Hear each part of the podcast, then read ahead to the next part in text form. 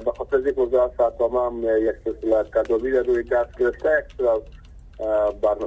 برنامه آگاهی و خصوصا اون مثلا ما مسافرینی که از کشورهایی که از انتشار از ویروس خبر داده شده یک پلان های تدابیری خصوصا در میدان های هوایی خصوصا میدان های هوایی ما که پروازهای بین المللی دارن روی دست گرفته شده است. و ما قرار بود امروز هم در مجلس حالت یک کمیته حالت استرار در سطح وزارت سرسامه رسیدگی با وفقات عاجل در او هم بحث شد و قرار است که ما بسلا فردا پس فردا تماس داشته باشیم با اداره ملی نوازی که یک تدابیری که که باید بعدا روی دست گرفته شد در امروز از ما صحبت بکنیم. چی پل... چی پلان روی دست گرفته شده؟ چی تدابیر اتخاذ می‌کنین؟ آیا بلبورد های نصب میشه در میدان های هوایی؟ آیا تیم از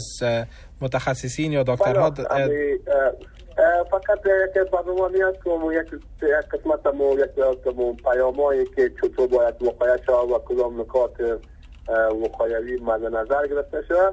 اینا به شکل مو شکل بل بلبورد و به شکل بروشرا نقل میشه و قسما برای اکسترا پیامان دیگه به شکل بروشر چاپ خواهد شد با مسافرین که بیرون از کشور سفر می‌کنن و کدام تدابیر و وقایوی را باید روی دست بگیرن اینا جزی از طرف ریاست ارتقای است که مسئولیت تحیه و تدبیر و نشم شد پیاما را دارن اینا کار باید از این پیاما آغاز شده خب یعنی باز... ما قبلا هم یک دنا ویروسی که دولت فیرات از انتشارش خبر داده شد گویایی ویروس نوع خوبی است که خود وقت نمو تستایی که صورت گرفت از نوع ویروس های مو اچیکو به شکل ویروس های موسومی بود انفلونزای موسومی بود.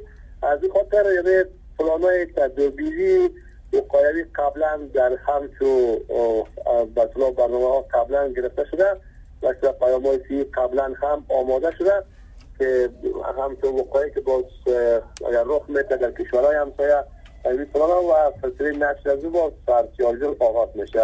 از طریق صفحات اجتماعی از طریق وبسایت و از طریق شفاخانه ها جایی که مزاحم بله خب تا فکر نکنم که معلوم شده باشه که ویروس از کدام نوع است و برش کدام واکسین هم تا حالا در نظر گرفته نشده چون هنوز هم تحقیقات در رابطه جریان داره.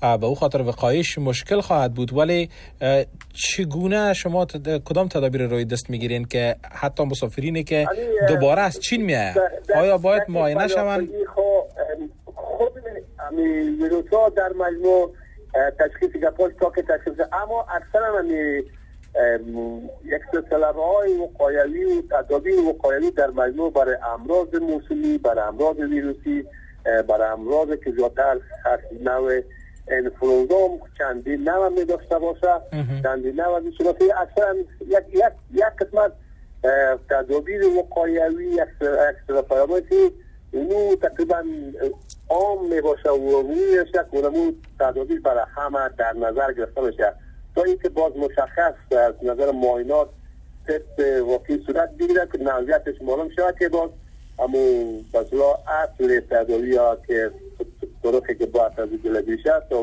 مشخص شود بله. اما در کل برای امراض موسومی برای امراض قایلی خصوصا اینایی که انفلوزای موسومی هستند برای و تدابیر وقایلی هستند به صورت بله. آقای جلیل آقای جلیل برای تعداد مسافرینی که برگشت می‌کنن به افغانستان میاین بر از اونا چی تدابیر روی دست گرفته شده؟ آیا معاینه میشن؟ آیا در میدان هوایی تیم تشکیل خواهد شد بالاخره که اونا رو معاینه بکنن؟ قرار است که ریاست سرولانس و ریاست رسیدگی با واقعات حاجل یک سلسله به مفاعلت ما لیست کردیم که اما چطور باید اینا شناسایی شدن کدام پیما برشان رسانده شود و کدام مایات که حداقل همون مایات که ما می‌تونیم همون تستای لابراتوری را از طریق لابراتوری مرکز انجام بدیم. اون تدابیر هم شامل برنامه که انشاءالله در دو روز انشاءالله جزیات با شما شهید خواهد